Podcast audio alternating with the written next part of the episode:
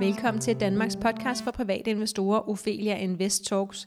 Mit navn det er Sara Ophelia Møs, og jeg driver Ophelia Invest og forlader penge med mit skønne og meget engagerede team. Vores mission det er at skabe rum for læring, og vores vision det er, at alle danskere i alle kroge af landet ved, at investering er på bordet, hvis vi altså vil det. Det betyder ikke, at vi skal investere, bare at vi skal vide, hvad det er, vi siger nej tak til. Vores struktur det er, at vi udkommer ugentlig hver fredag i cirka 30 minutter undtaget de uger, hvor vi af en eller anden årsag også gerne vil holde fri, for eksempel i sommeren. Vores sponsorer det er Nordnet og Spotlight Stock Market, og dagens tema det er fundamental analyse. Og normalt så plejer jeg jo ofte at have en øh, med i studiet, som jeg så interviewer, men i dag der har jeg øh, inviteret den lille guide til fundamental analyse i studiet. Det vil sige, at jeg kommer til at læse nogle uddrag fra den bog, og så håber jeg, at I synes, det er interessant. Ellers så ligger der flere afsnit øh, af den her podcast, Ophelia Invest Talks, om fundamental analyse. Der er blandt andet også et interview med forfatteren, og så har vi også et afsnit med øh, CFO'en fra Free Trailer, som, hvor vi også snakker om regnskaber. Det her det er afsnit nummer 34, og tænk så, at vi allerede er nået hertil. Øhm, forfatteren til den lille guide til fundamental analyse er Martin Gottlob, og i øh, øh, fuld disclosure, så kan jeg sige, at øh, det er min stefar, så, øh, så ved I det. Han er utrolig klog. Jeg har tilbragt hele min barndom og ungdom med ikke at ane, hvad han lavede andet han var glad for det, han lavede, og han glad arbejdede videre, når han kom hjem om aftenen. Øhm, andet, andet vidste jeg egentlig ikke helt, og så er han rejst en del. Han har været øh, finansanalytiker hele mit liv. Han blev faktisk øh, uddannet kant polit øh, samme år, som jeg blev født i 80 så kan I så også regne ud, hvor gammel jeg var. Det ved jeg ikke, om var smart. Men uh, nevertheless, så er han en af de klogeste, jeg kender, og jeg er meget, meget taknemmelig for, at han sagde ja til at skrive den lille guide til fundamental analyse.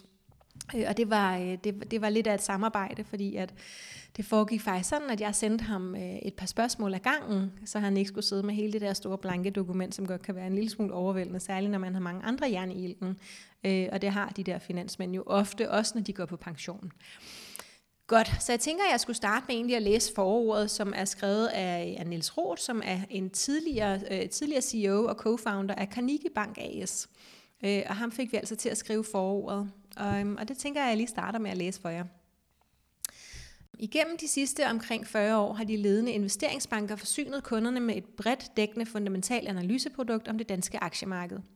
De allerstørste børsnoterede selskaber har været dækket tæt af en lang række banker, ofte med dybtegående kritiske analyser, men også en række af de mellemstore og mindre børsnoterede selskaber har haft en analysedækning, som har givet investorerne mulighed for at få en fundamental vurdering af selskaberne.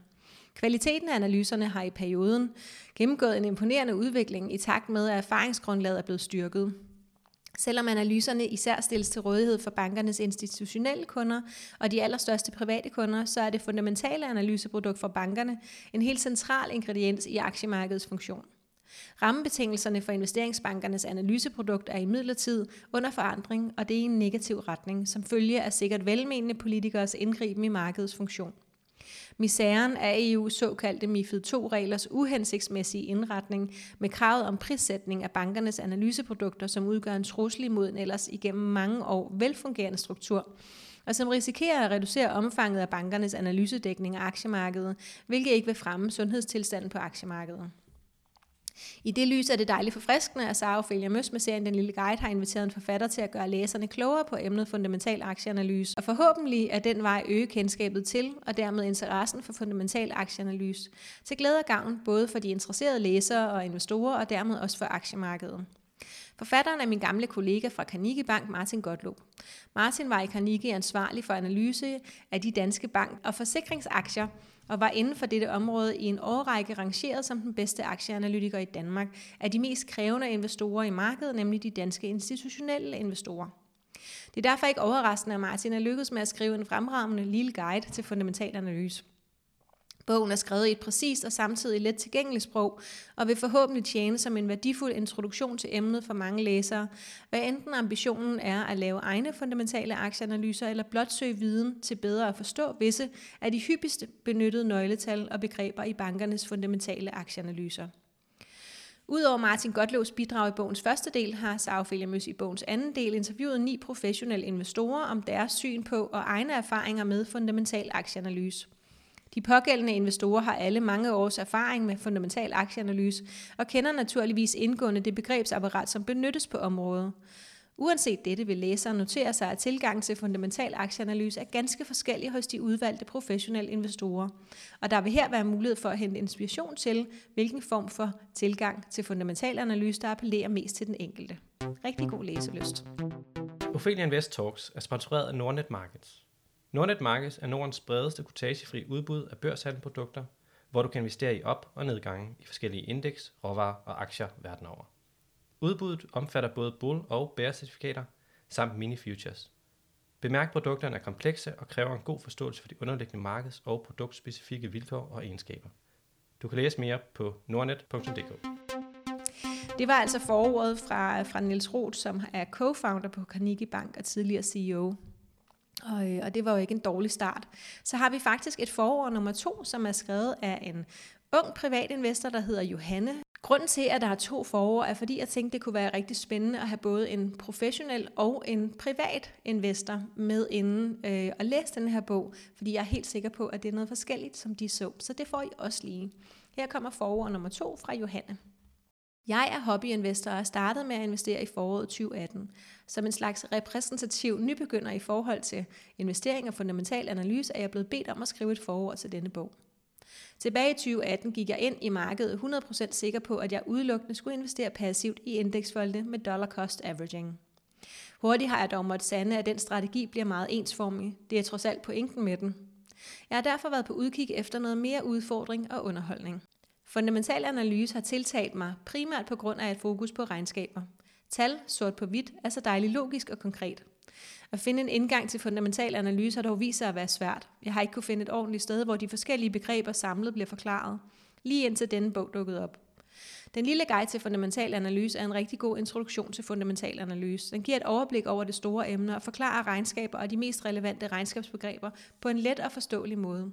I bogens anden del med mini-interviews er der investor-erfaringsdeling.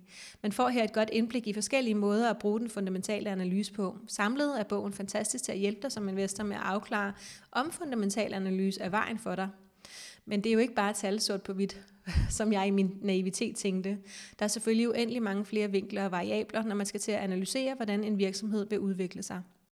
Bogen præsenterer de mange forskellige faktorer og giver et godt udgangspunkt for en videre interesse og fordybelse i fundamental analyse.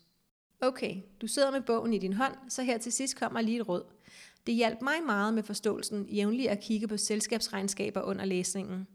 Alle aktienoterede selskaber skal lægge deres regnskaber op, så de findes let ved en Google-søgning. Så får man lidt praksis med ind i læsningen og får brugt termer og begreber mere aktivt. Samtidig giver det også nogle afbræk i læsningen, som man indimellem kan have brug for, især i nøgletalskapitlet. Der kommer bare et tidspunkt, hvor man bliver bogstavforvirret med alle de forkortelser. Ja, så det var så det andet forord fra Johanne. Og her tænker jeg, at det måske er fint lige at vide, hvad, hvad der egentlig er i den her bog. Øhm, fordi udover de her fine forord, så er der en gennemgang, hvad er fundamental analyse, og det er det, vi kaster os ud i lige om lidt. Så kommer der en introduktion til regnskaber. Hvorfor bør vi overhovedet interessere os for en X, og hvordan læser jeg et regnskab? Hvad er resultatopgørelsen, pengestrømsopgørelsen, balancen? og fra regnskab til fremskrivning. Så kommer nøgletallene. Hvad er nøgletal? Hvad er de regnskabsrelaterede nøgletal? Og så kommer de simpelthen på stribe alle sammen. Resultat efter skat per aktie, pengestrøm per aktie, indre værdi osv. osv. osv. Og så kommer de kursrelaterede nøgletal, som blandt andet er øh, PE-kvoten, Kapitel nummer 4 handler om, hvordan vi laver en fundamental analyse. Øhm, og, og der, laver, der er simpelthen en case med i, som er Royal Unibrew, hvor man bliver taget øh, step by step igennem, hvordan man laver en analyse derhjemme. Øh, og så kommer så den her stribe interview med, med de professionelle investorer. Og jeg tænkte, at det der kunne være sjovt, måske hvis man sidder og lytter med her, det er, hvad er egentlig øh, fundamental analyse? Øhm, så den tager vi lige.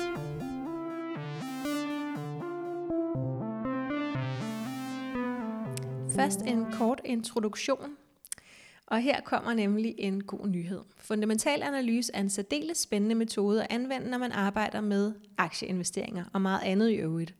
Dernæst en lidt kedelig nyhed. Det er et svært felt at beskæftige sig med. Hvis man vælger fundamental aktieanalyse som sit arbejdsområde, for eksempel hos en børsmaler, så tager det et år at blive fundamental aktieanalytiker, og det kan tage tre år eller mere at blive en god analytiker, og nogen bliver det aldrig. Jeg begyndte selv min karriere som analytiker i 83. Det var pionerarbejde dengang, og jeg vil våge den påstand, at jeg først fik mit gennembrud som anerkendt analytiker i 90-92 i forbindelse med den store nordiske forsikringskrig, det vil sige efter cirka syv år. Fundamental analyse er et værktøj, som man kan bruge, når man skal investere i aktier og også i andre aktiver i øvrigt. En sådan analyse kan danne baggrund for den eller de strategier, man i øvrigt bruger som investor. En fundamental analyse kan give svar på, om en virksomhed er interessant for for eksempel en value investor eller en, der fokuserer på vækst eller noget tredje. Nogle siger, at det bare er et spørgsmål om at lave en model af det pågældende selskabs regnskaber, og så lave en fremskrivning af regnskabet i en række år, givet nogle forudsætninger. Og det er da også en del af fundamental analyse. Desværre er øh, i de sidste år givet nogle forudsætninger. Det er ofte her, at de store udfordringer og den store arbejdsindsats ligger. Netop det store arbejde gør, at mange viger tilbage for at give sig i kast med fundamental analyse. Man har ikke tid, man har ikke den indsigt og viden, der skal til, der er alt for mange ukendte forhold, som man ikke kan bestemme over osv. Det er en naturlig reaktion. Det vigtigste er dog at have sig for øje, at den fundamentale analyse af selskaberne er fundamentet under det effektive aktiemarked, vi alle gerne vil have, af der. Var der ingen, der lavede fundamental analyse af et selskab eller et helt aktiemarked, var der ingen, der kunne komme med et bud på, hvad en færre kurs skulle være. Den ville i teorien kunne flyde rundt alene bestemt efter købs- og salgsinteresse, men kunne i teorien være prissat helt skævt i forhold til en færre pris, fordi ingen ville kende den færre værdi. Med andre ord er fundamentale analyser med til at skabe et effektivt marked. Det betyder ikke, at der ikke i perioder kan være stærk efterspørgsel på eller udbud af aktier i et selskab, der medfører, at kursen afviger en del fra en færre kurs.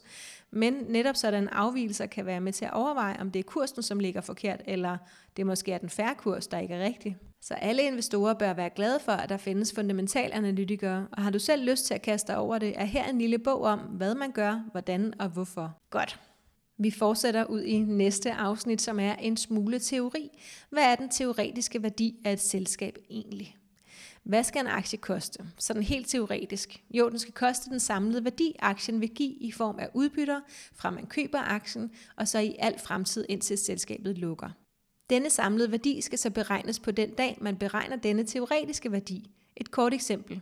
Et selskab betaler 10 kroner i udbytte i de næste 15 år, hvorefter selskabet lukker uden yderligere betaling til aktionærerne. Altså får man 10 kroner om året i 15 år i alt 150 kroner. Men de første 10 kroner er mere værd i dag end de sidste 10 kroner. Man bruger normalt inflationen til at beregne, det vil sige tilbage diskontere med et fint ord, værdien i dag. Bruger man 2% i inflation, er værdien af de sidste 10 kroner kun 7,39 kroner hver i dag. Lægger man alle 15 udbytter sammen, får man en værdi på 128 kroner i dag, og det er den teoretiske kurs på aktien, man vil betale dagen før det første udbytte udbetales. Hvis der ikke var tale om 15 år, men 30 år, er den teoretiske kurs 223 kroner, og hvis der er tale om 150 år, så er kursen 467 kroner. Den teoretiske værdi af en aktie er altså lige nutidsværdien af alle fremtidige udbytter. Det er den helt enkle teori, og i praksis er det ikke nemt, men snarere umuligt at lave en sådan beregning, for hvem ved, hvad for eksempel Carlsberg vil udbetale i udbytte i 2029. Så i praksis må man gøre noget andet. Så kommer næste afsnit, hvordan overfører man teori til praksis, og det vil jeg da også gerne vide nu. Men det er vigtigt at bruge det, som kan bruges fra teorien. Vigtigt er her, at kursen på en aktie ikke bestemmes af, hvad der er sket, eller hvad der sker lige nu, men af, hvad der sker i fremtiden. Det vil sige, at historiske begivenheder kun har betydning, hvis de har indflydelse på selskabets fremtid. Det, at et selskab har udviklet et nyt lægemiddel, har givet kostet en masse og har som sådan ikke nogen værdi. Men hvis lægemidlet kan kurere en sygdom, og selskabet via et patent har eneret på at sælge det i en årrække, så har det en værdi for selskabet, fordi den indtjening kan være med til at udbetale udbytte til aktionærerne, og dermed er vi tilbage ved teorien. I stedet for at gætte på udbyttet, så ser man på, hvordan selskabets indtjening vil udvikle sig i de kommende år.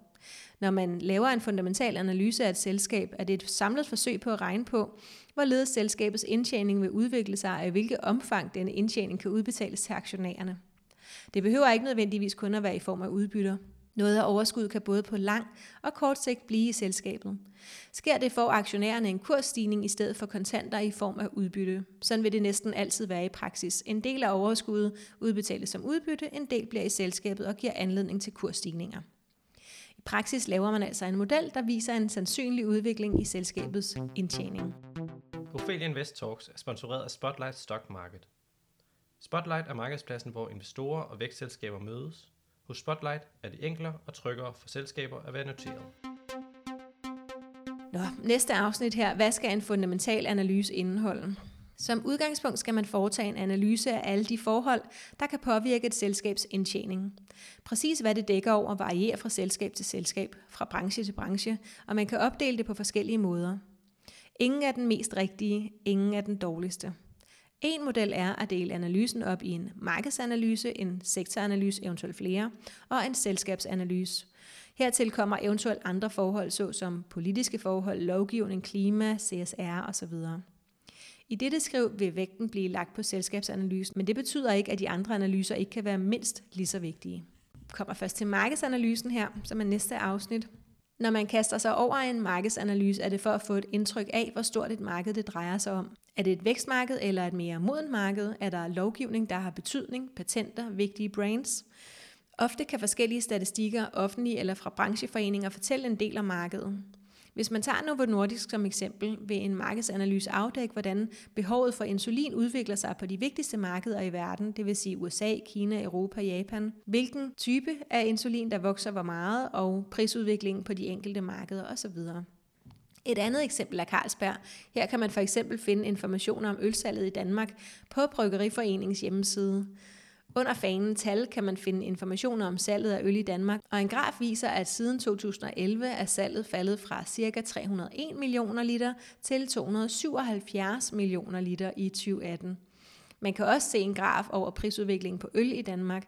Den viser, at prisen på øl faldt med ca. 10% fra 2013 til 2015, men siden er steget ca. 5% igen frem til 2018. Ligeledes kan man på den europæiske bryggeriforenings hjemmeside, som hedder brewersofeurope.org, finde tilsvarende tal for hele Europa. Her kan man blandt andet se, at ølproduktionen i de senere år har ligget stabil lige under 400 milliarder hektoliter om året. På denne hjemmeside er der også tal for de enkelte europæiske lande. På siden statista.com, og så er der en lang URL her, øh, kan man finde statistik for ølproduktionen på verdensplan. Noget af statistikken her er gratis, andet skal man betale for. Det leder os videre til sektoranalyse. I en sektoranalyse forsøger man at sammenligne flere selskaber i samme branche for at se, hvordan den virksomhed, man interesserer sig for, står i forhold til sine vigtige konkurrenter. På sektorniveau ser man i Novo Nordisk eksemplet på, hvordan de enkelte insulinproducenter, det vil sige Novo Nordisk, øh, Eli Lilly, Sanofi, står i forhold til den markedsanalyse, man har lavet. Hvordan deres patenter og pipeline er i forhold hertil. I Carlsberg-eksemplet vil det være relevant at se på andre af de store bryggerier, for eksempel Heineken, SAB Miller og Anheuser Bush InBev, og det sagde jeg muligvis forkert. Øhm, man kan finde mange informationer om konkurrenter på deres respektive hjemmesider. Når man sammenligner, er det vigtigt at se på de ligheder og forskelle, der er. Det kan for eksempel være forskelle i geografisk udbredelse og produkttyper.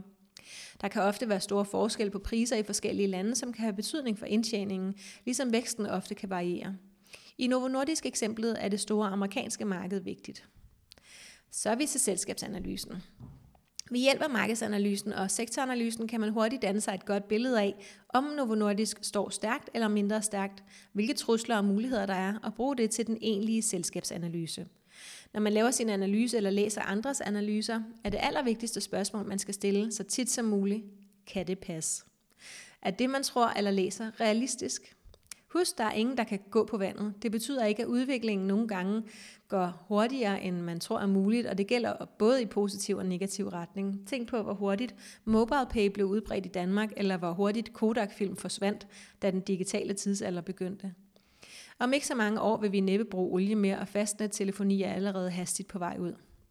Det samme gælder, når man laver sin model over den fremtidige udvikling – hvis man når frem til en indtjening, der er helt forskellig fra den nuværende, så er det klogt at dobbelttjekke, om der er noget galt med forudsætningerne eller eventuelt modellen. SWOT-analyse. Et godt værktøj i en selskabsanalyse er en SWOT-analyse. Den består af fire elementer, nemlig styrker, svagheder, muligheder og trusler. Mens du laver din analyse, så kan du hver gang du støder på noget interessant, sætte det ind i en kasse med et af de fire ord. Og når du så er færdig, så har du ret sikkert en god SWOT-analyse, som du kan bruge til at vurdere, om der er tale om en god virksomhed. Du kan sætte det meste ind i en sådan analyse, både markedsforhold, sektorforhold og selskabsspecifikke forhold. Det gælder også produkter, regnskaber, ja alt hvad der passer ind i de fire kasser. SWOT-analysen er et godt redskab til at danne sig et overblik over den virksomhed, du analyserer. Og hvis du har glemt det derude, så får du dem lige igen. Det var styrker, svagheder, muligheder og trusler.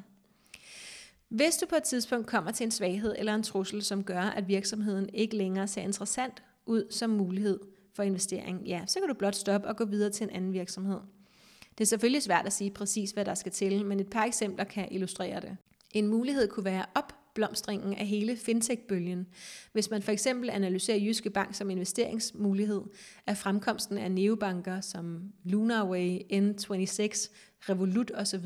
for eksempel en stor nok trussel til at forkaste Jyske Bank, eller vil det være i kategorien til at leve med? En anden mulighed er Novo Nordisk. Hvis en konkurrent kom med en kur for diabetes, så behovet for insulin ville falde drastisk, ville det nok gøre Novo Nordisk lidt mindre interessant. Og det var faktisk hele starten af den lille guide til fundamental analyse her.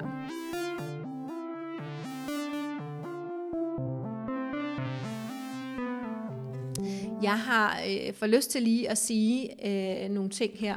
Øhm, for det første, så skal vi jo huske, at øh, fundamental analyse ikke er for alle. Øh, man kan sagtens være investor uden at bruge fundamental analyse. Jeg har for nylig udgivet et blogindlæg på Nordnet-bloggen, hvor jeg taler om netop det. Det hedder, øh, at du den næste Warren Buffett, øhm, og det var jo både lidt for sjov, men også fordi, at mange af os måske går og håber lidt, at vi er det.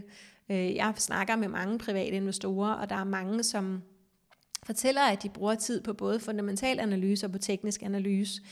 Og, øh, og det jeg skriver lidt om i bloggen, det er, om, om det giver mening, hvis, hvis vi ikke har nødvendigvis så mange penge at investere. Det kunne være 50.000, og det er ikke fordi, jeg siger, at 50.000 ikke er mange penge, men i et investeringsøje med, og i et sådan større perspektiv, fordi det, det egentlig handler om, det er, hvor, hvor travlt har vi i vores hverdag. Hvis vi har en familie og et fuldtidsjob og fritidsinteresser, og vi også gerne vil træne og øh, gå til fødselsdage og andre familiesammenkomster i weekenderne osv., hvor meget tid skal vi så bruge på at, at lave fundamentale analyser, når vi sagtens faktisk kan investere uden at kunne det?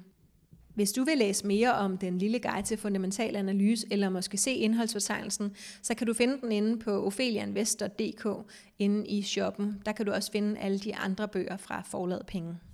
Hvis du tænker, at øh, du er i tvivl om, hvorvidt at det er noget for dig eller ej, så kan du jo øh, prøve at læse bogen, men du kan også prøve at læse nogle af de blogindlæg, vi har øh, rundt omkring, og de artikler, vi har, og der, der er masser af bud på strategier, som ikke indebærer fundamental analyse.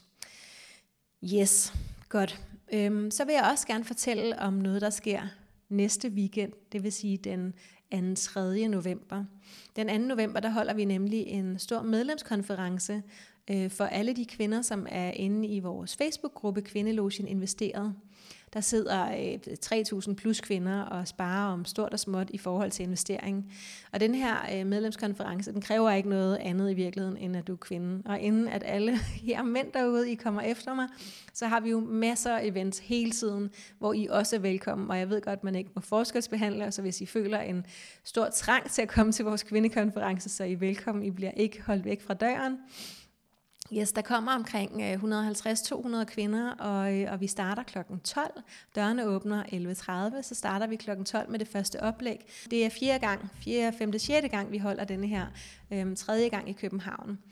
Og øhm, jeg har øh, feedback de tidligere gange har været, at man rigtig godt kunne tænke sig, at der var lidt mere for begyndere. Altså alle jer, som gerne vil lære at investere, at der også var noget til jer. Så vi starter med, at jeg laver en begrebsafklaring hvordan er det, man investerer, hvad er det, de forskellige begreber betyder, sådan så vi alle sammen er på niveau, når det er, vi skal høre resten. Så kommer der nemlig nogle forskellige spændende oplæg.